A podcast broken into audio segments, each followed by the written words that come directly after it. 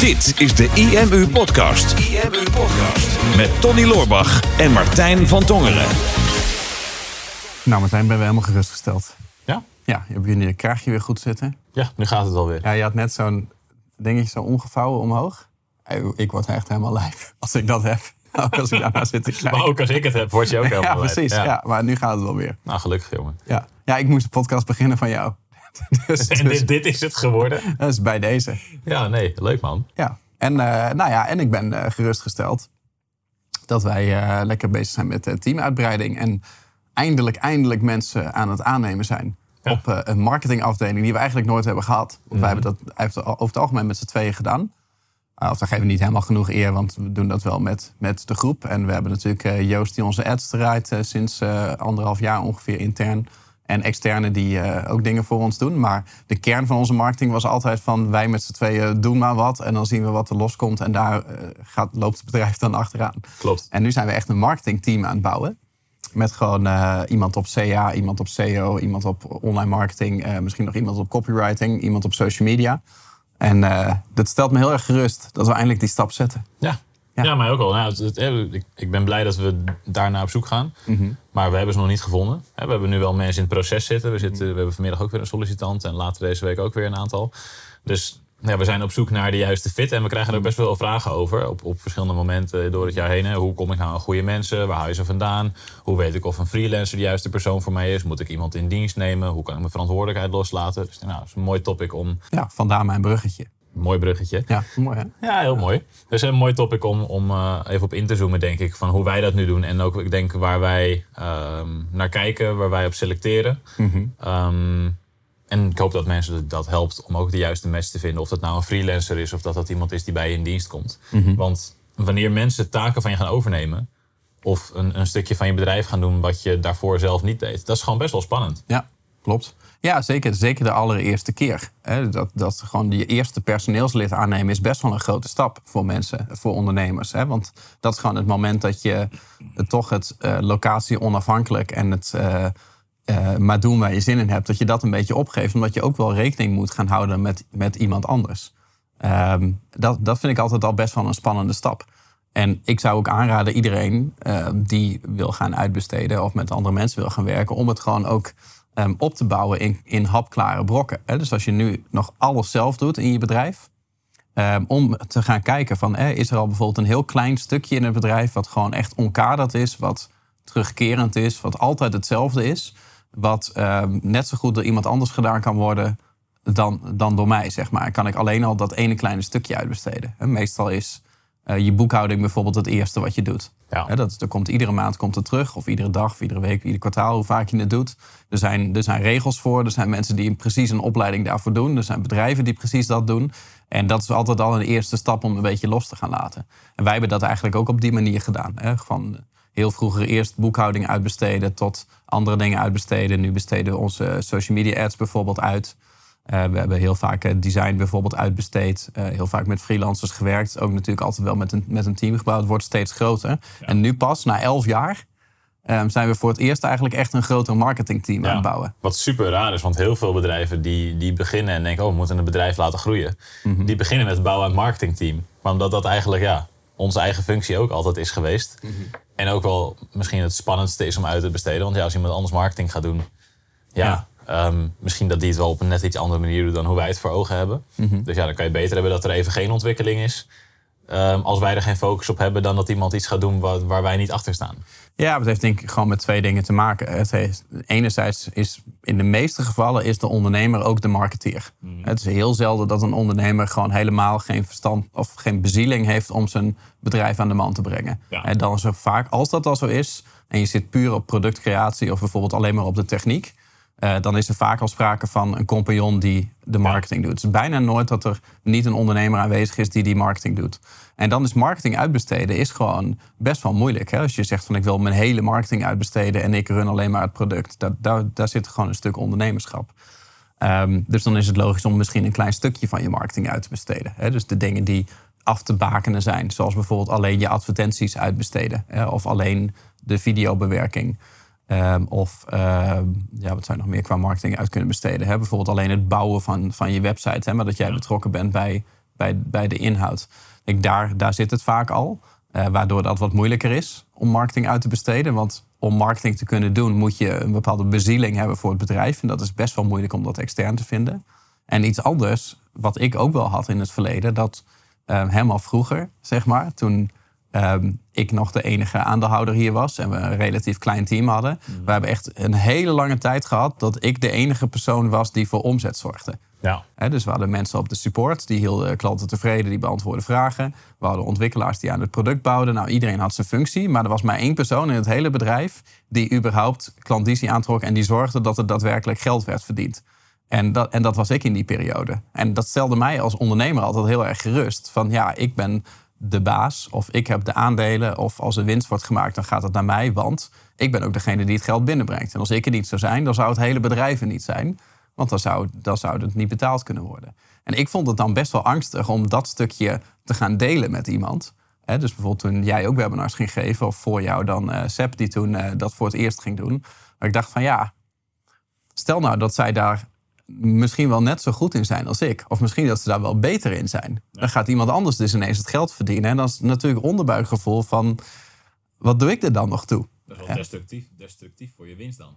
Uh, nou ja, ja, maar dan denk je van oké, dus, dus andere mensen maken het product. Hmm. Weer andere mensen zorgen voor de support. Weer andere mensen verdienen het geld. Ik ben degene die het, die het aantrekt, die het creëert. Maar ik ben niet meer degene die er dan in werkt.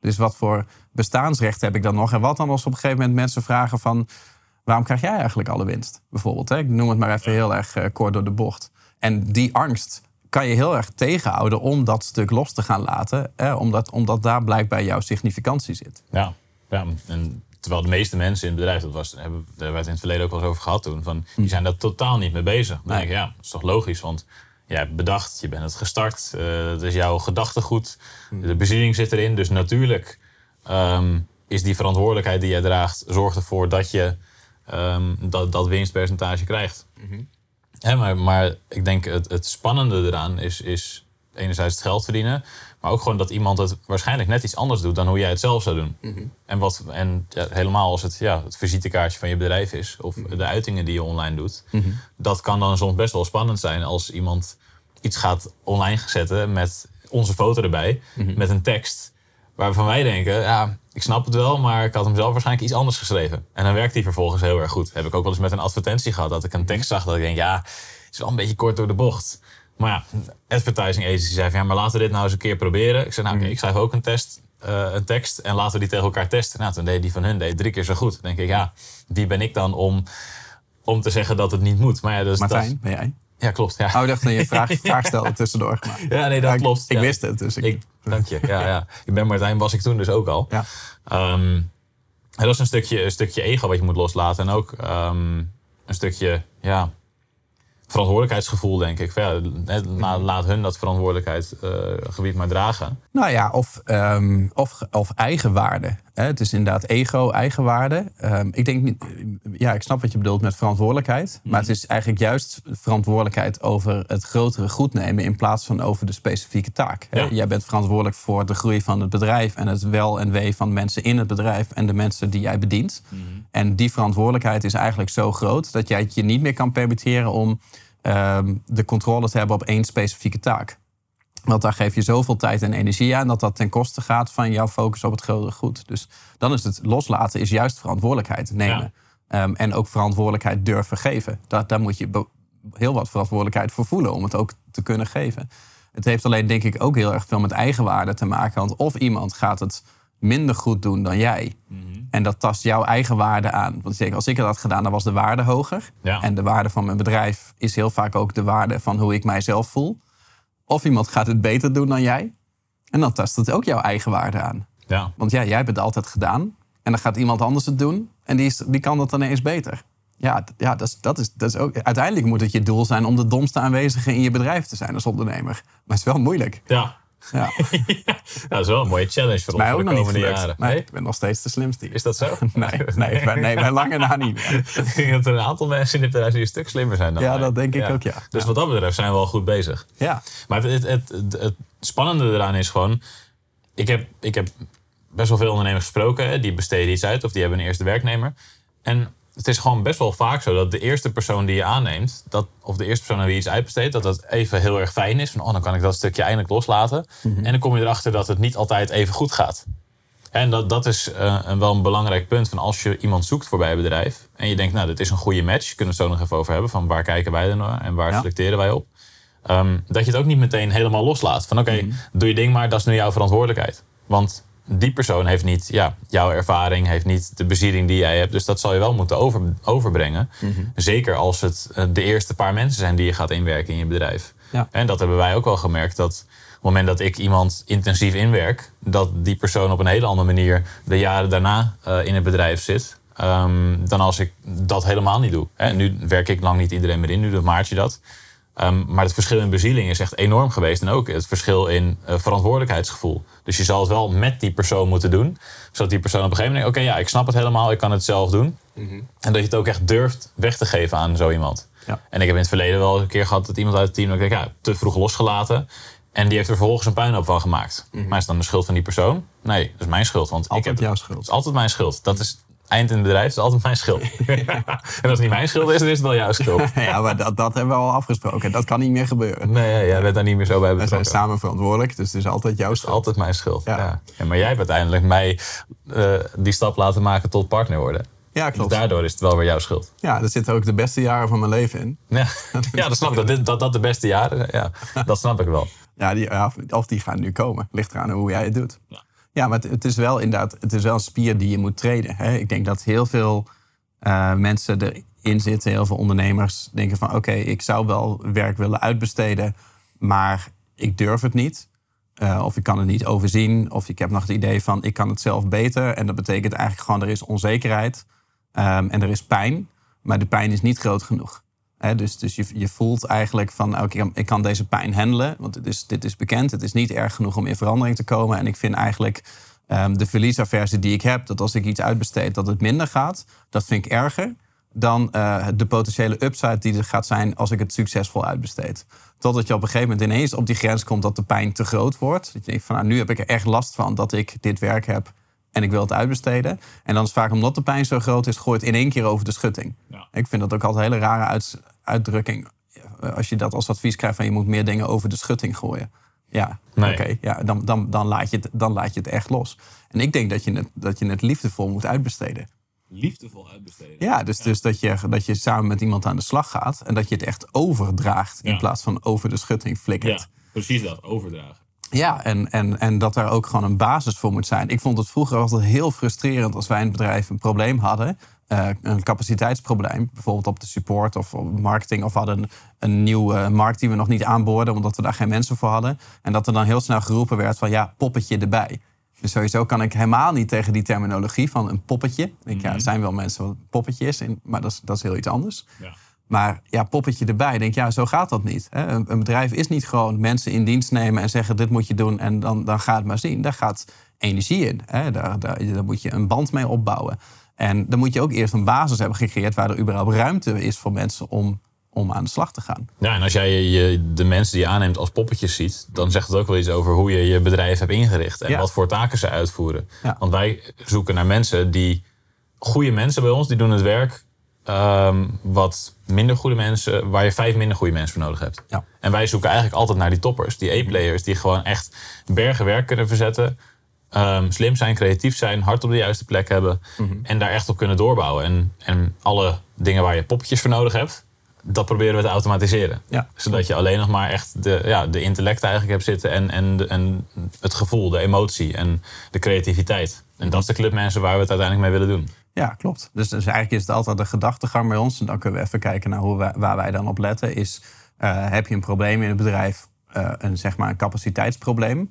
Wij kijken altijd eerst van, zou dit er wel moeten zijn? Hè? Dus kunnen we het niet deleten? Ja. Want, want dan is het probleem opgelost. Van, hè, doen we iets wat eigenlijk helemaal niet meer bij ons past? Hebben we te veel producten? Hebben we te veel marketingactiviteiten? Eh, proberen we te veel functies in de software te bouwen? Want een capaciteitsprobleem creëren is niet zo moeilijk. Alleen al in de software. Wij kunnen in 10 minuten meer verzinnen dan dat de jongens in 10 jaar kunnen bouwen. Dus de eerste stap is altijd terugbrengen naar van zitten we nog wel op onze kern en moet dit echt gebeuren? Zo nee, dan delete we het. Ehm, is deleten geen optie omdat het er echt moet zijn? Ehm, dan is vaak kijken van kunnen we het automatiseren? Hè? Dus kunnen we het zonder handwerk kunnen we dit probleem weghalen? Hè? Is, is zit er eh, iets bij wat eh, meer in een proces gegoten kan worden of wat dan ook? Ehm, als, als we die stap hebben gehad, dan gaan we kijken, kunnen we het uitbesteden? En dan uh, idealiter kijken we buiten de deur. Hè? Dus als het iets is wat een afgebakend iets is, wat gewoon terugkeert, wat niet op de werkvloer zou hoeven gebeuren, dan doe ik het het liefst extern. Hè? Dat is bijvoorbeeld waarom administratie hier niet gebeurt. Maar ook bijvoorbeeld social media ads, die expertise hebben wij bijvoorbeeld niet. Ehm, dat, doen, dat doen we bijvoorbeeld extern. Uh, sales opvolgen doen we bijvoorbeeld extern. Hè, omdat we uh, niet een zo log mogelijke organisatie proberen te bouwen, maar zo compact mogelijk. En ik wil alleen mensen die horen bij onze kern, die willen we eigenlijk hier hebben. Ja. En pas als we die stap hebben gehad, dan gaan we kijken naar in dienst nemen. Ehm, nou, en dan, dan komt het selectieproces. Dan komt het selectieproces ja. inderdaad. En Um, wij hebben een hele tijd gehad dat we op een gegeven moment. We zijn steeds een grotere naam in de markt. Dus we kregen meer sollicitaties binnen. Mhm. En sommige mensen zijn gewoon heel goed in een cv maken. Dus dan zie je dat cv en dan denk je, ah, dit is echt een toppertje. Ja, die, die moeten we hebben. Mhm. en, dan, en dan heb je, dat, heb je het gesprek en dan valt het enorm tegen. Nou, mhm. dat, dat, mensen zullen dat vaak, vaak, uh, vast wel herkennen. Nou, die ervaring hebben we op een gegeven moment te vaak gehad. Op een aantal verschillende soorten functies. Dat echt dacht, ja, dit, dit was een hele leuke sollicitatiebrief. Dit cv was fantastisch. Maar te veel, het kost gewoon heel veel tijd. Sollicitatiegesprekken en selectieprocessen voeren. Dus dat is, nou, dat, dat, laten we een ander proces bedenken. Zodat we alleen gekwalificeerde mensen hier op kantoor krijgen. Dat als iemand hier op kantoor komt, dat we eigenlijk al een soort van 75% zeker weten, dit wordt het. Mm Dus um, een nieuw proces gebouwd. Een, een typeform, een formulier wat mensen moeten invullen met een aantal vragen die wij normaal gesproken in het gesprek al stelden. Denk, nou, dan kunnen we alvast een beetje selecteren van mhm. is dit iemand die zijn werkdag voor zich ziet zoals dat hier gebeurt? Uh, wat voor ervaring heeft iemand? Wat voor persoonlijkheid heeft iemand? En hoe vult diegene dat, dat formulier in? Nou, het idee was heel erg goed. Uitvoering. nou, het, is, het, zorgt er wel voor dat we minder, uh, dat we veel meer kandidaten afwijzen die we anders waarschijnlijk wel hadden uitgenodigd. Mm Maar 75% van de mensen die hier komt, dat, dat is het nog niet. Nee. Um, dus het selectieproces is al beter. De mensen die binnenkomen hebben we al een veel beter beeld van. Maar we merken nog steeds wel dat mensen vaak heel anders schrijven dan dat ze als persoon zijn. Ja. dus sommige mensen die zijn supergoed in, in, een, in een sollicitatie sturen. Die zijn heel goed in solliciteren.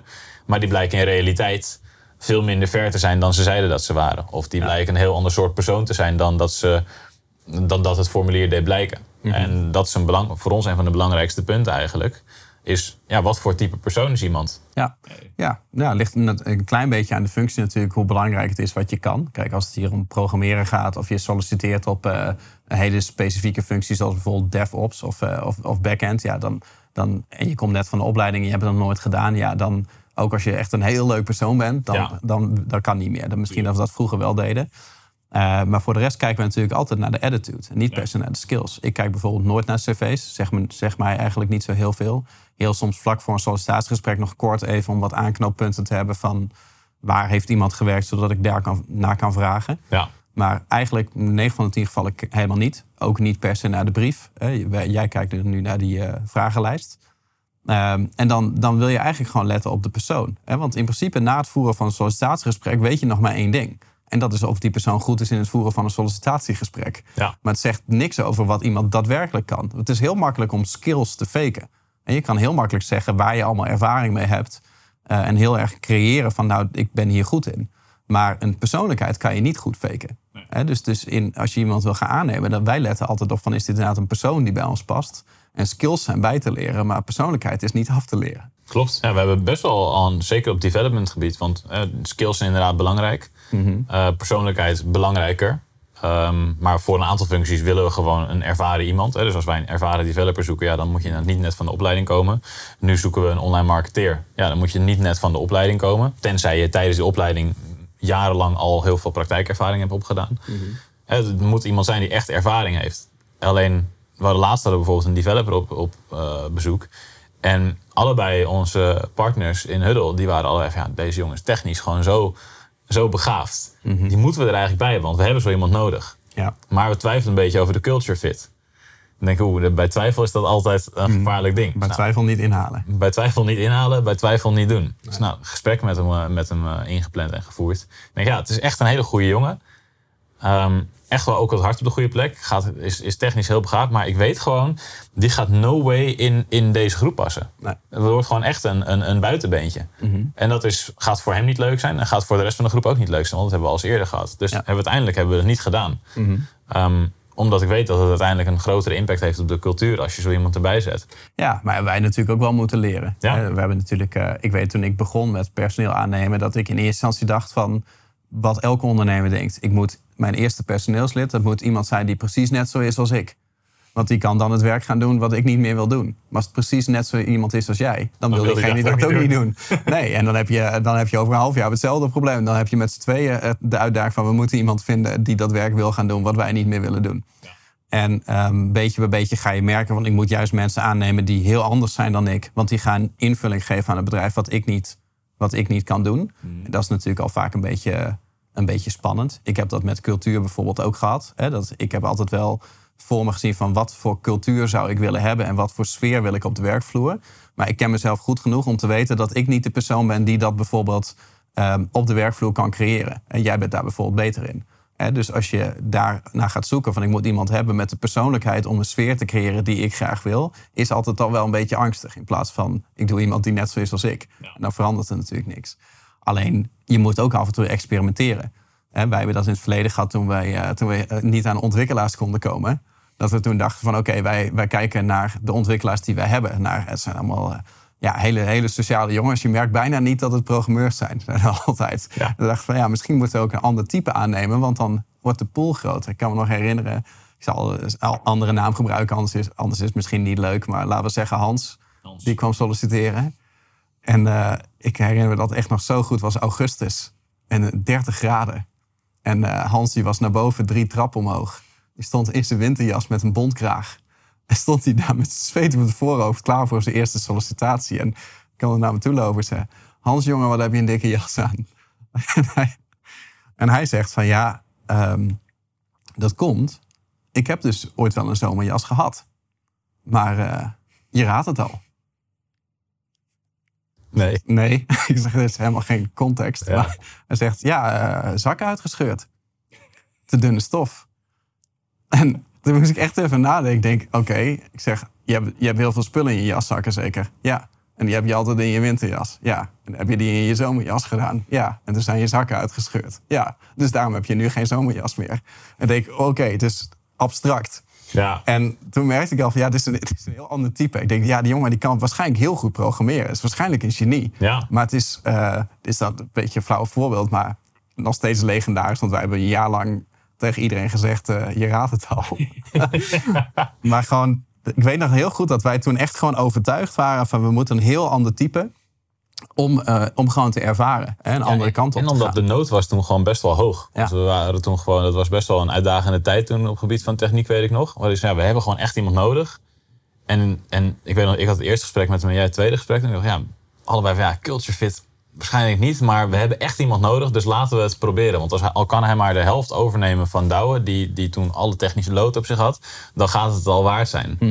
En ik weet ook nog dat hij, dat hij ik had het eerste gesprek met hem, jij het tweede gesprek. En de eerste keer was volgens mij dat hij de winterjas inderdaad aan had.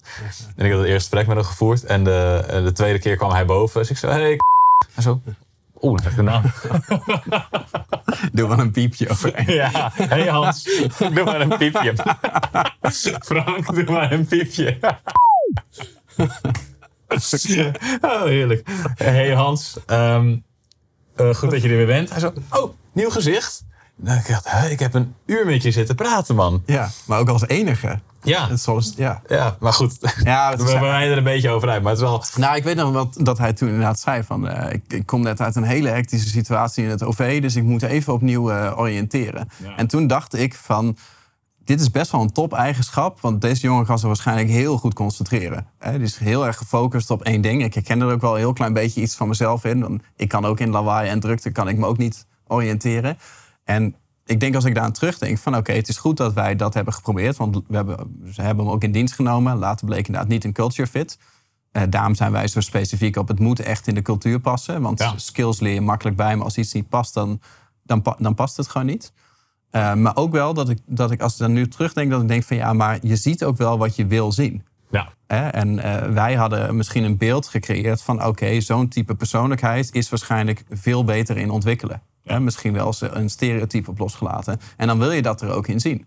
Ehm, en, en dat hoeft niet altijd de waarheid te zijn. Klopt, ja. En wat, wat nu interessant is bij de, de eh, sollicitaties die we doen, sollicitanten die we doen. Kijk, er zijn een aantal verschillende soorten functies natuurlijk bij IMU. Ehm, er zijn, jij moest lachen, ik zei sollicitanten die we doen. Ja. Nee, ik moest nog steeds lachen dat je net die naam zei. Oh ja. En dan zei- toen wilde ik het bijna zeggen. denk je, moeten we weer een piepje inbouwen. Ehm, sollicitanten die bij ons binnenkomen, het verschilt een beetje per functie. Hè. Er zijn een aantal functies bij ons die, ehm, die leer je door hier te werken. En daar is die, die persoonlijkheid en de inschatting van zou deze persoon dit kunnen doen, die is daar het belangrijkste. Maar er zijn ook een aantal functies waarbij we gewoon echt naar iemand zoeken die veel ervaring heeft. En op developmentgebied bijvoorbeeld doen die jongens altijd een codetest. Want deden ze in het begin deden ze dat niet. En daar was bij Hans was daar trouwens ook eh, de reden dat we dat nu zijn gaan doen. ik, zei, ik zei Hans. Ja, ja goed zo. Nou ja. Ehm, dat we die, die codetest zijn gaan doen. Dat ze zeggen van ja, we dachten dat hij op deze en deze manier is nadenken. Maar logisch nadenken is daarbij het belangrijkste. Dus het maakt niet, goed, niet eens uit hoe goed je in die specifieke taal bent. Maar de logica, het wiskundige, het abstracte, dat moet kloppen. Dus dat is de codetest die ze nu altijd doen. Ehm, en voor een backender hebben ze een andere dan voor een, voor een frontender. En dat is gewoon een, een meetmoment. En als iemand een super culture fit is, maar die test die, die loopt niet goed af, nou, dan, dan nemen we diegene niet aan. Want daar hebben we gewoon mensen met, met die kronkel nodig. ja, dus we zijn het door Hans anders gaan doen. ik zag je lachen. Ik denk, wat gaat hij zeggen? Ja, we zijn er Hans anders gaan doen, inderdaad. en nu voor eh, de SEO-specialist bijvoorbeeld. We hebben een aantal sollicitaties gehad. Eh, een aantal mensen door naar de volgende ronde. Maar voordat we ze voor een tweede gesprek uitnodigen...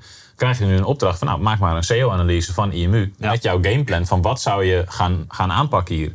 En op basis daarvan kunnen wij inschatten van... oké, is dit inderdaad iemand die veel ervaring heeft? Of is dit iemand die voor het eerst in zijn leven nu een SEO-tooltje gebruikt... en heel goed was in een sollicitatiegesprek voeren? Ja. En voor de online marketeer hetzelfde. Van, ja, eh, je, je geeft aan dat je goede landingspagina's kan bouwen maak maar een goede landingspagina. Hè, En dan, dan kunnen wij kijken van is dit inderdaad iemand die die landingspagina's kan bouwen op het niveau dat wij het willen zien. Ja. En dan nodigen we diegene uit voor een volgend gesprek. En ik merk dat dat ook alweer heel erg helpt en heel veel rust geeft in een soort van zekerheid. Van oké, als we nu iemand aannemen voor zo'n functie, dan weten we ook al wat voor vlees we in de kuip hebben. Ja, nou ja, dat is, dat is misschien wel de laatste tip hè, waar wij eh, ook in hebben moeten groeien. Weet je, als je door dat hele riedeltje heen gaat van oké, we hebben een uitdaging, kunnen we het deleten? Zo nee, kunnen we het automatiseren? Zo nee, kunnen we het extern uitbesteden? Zo nee, willen we er echt iemand voor in het team hebben? Nou, dan kijken we eerst naar is er een culture fit? En als er een culture fit is, hè, want als die er niet is, dan houdt het al op, ongeacht je skills. Als er een culture fit is, van ben je ook in staat om die functie te doen? En ik, vond dat, ik vind dat nu makkelijker om daar eh, wat strenger in te zijn dan, dan in het verleden. hè. In het verleden had ik nog wel eens van denken, oh, ik vind deze persoon tof. Dus ik wil eigenlijk dat jij nu de goede dingen gaat zeggen. Dus dan wil bijvoorbeeld, wij stellen altijd de eerste vraag van wat kun je over ons vertellen? Ja. En de, de 40% valt door de mand, hebben geen idee wie we zijn en wat we doen. Ja, dan kun je gaan. Weet je, als jij voor een sollicitatie al niet eens de moeite kan nemen om te kijken waar je nou eigenlijk solliciteert, ja, dan, dan, dan houdt het op. Maar soms dan heb je al een hele leuke vibe met iemand. Dan denk je, oh, deze persoon eh, die zou ik wel gunnen om hier te komen werken. Ehm, en dan wil ik bijna die vraag al niet meer stellen, maar dan wil ik het al een beetje verklappen. Ja. Hè, of dan gaan we skills testen. En dan ga ik daar maar niet al te lang op door. Van wat kun je precies? Ehm, om echt te testen van kan deze persoon het? Maar dan wil ik uit een beetje een veilige sfeer creëren. Van nou, hè, ik wil je ook een beetje overtuigen om hier te komen werken. En eh, ja, dit vinden we wel belangrijk. Maar als je daar geen ervaring in hebt, nou ja, dat lossen, lossen we dan wel op. En dat, dat gaat nu makkelijker dan in het verleden. Dus ook dat is wel iets wat je moet gaan trainen. Ja, en ik denk dat dat ook komt omdat we nu met een groter team zijn natuurlijk. En in het verleden hebben wij ook veel tijd gestoken in mensen die iets nog niet konden.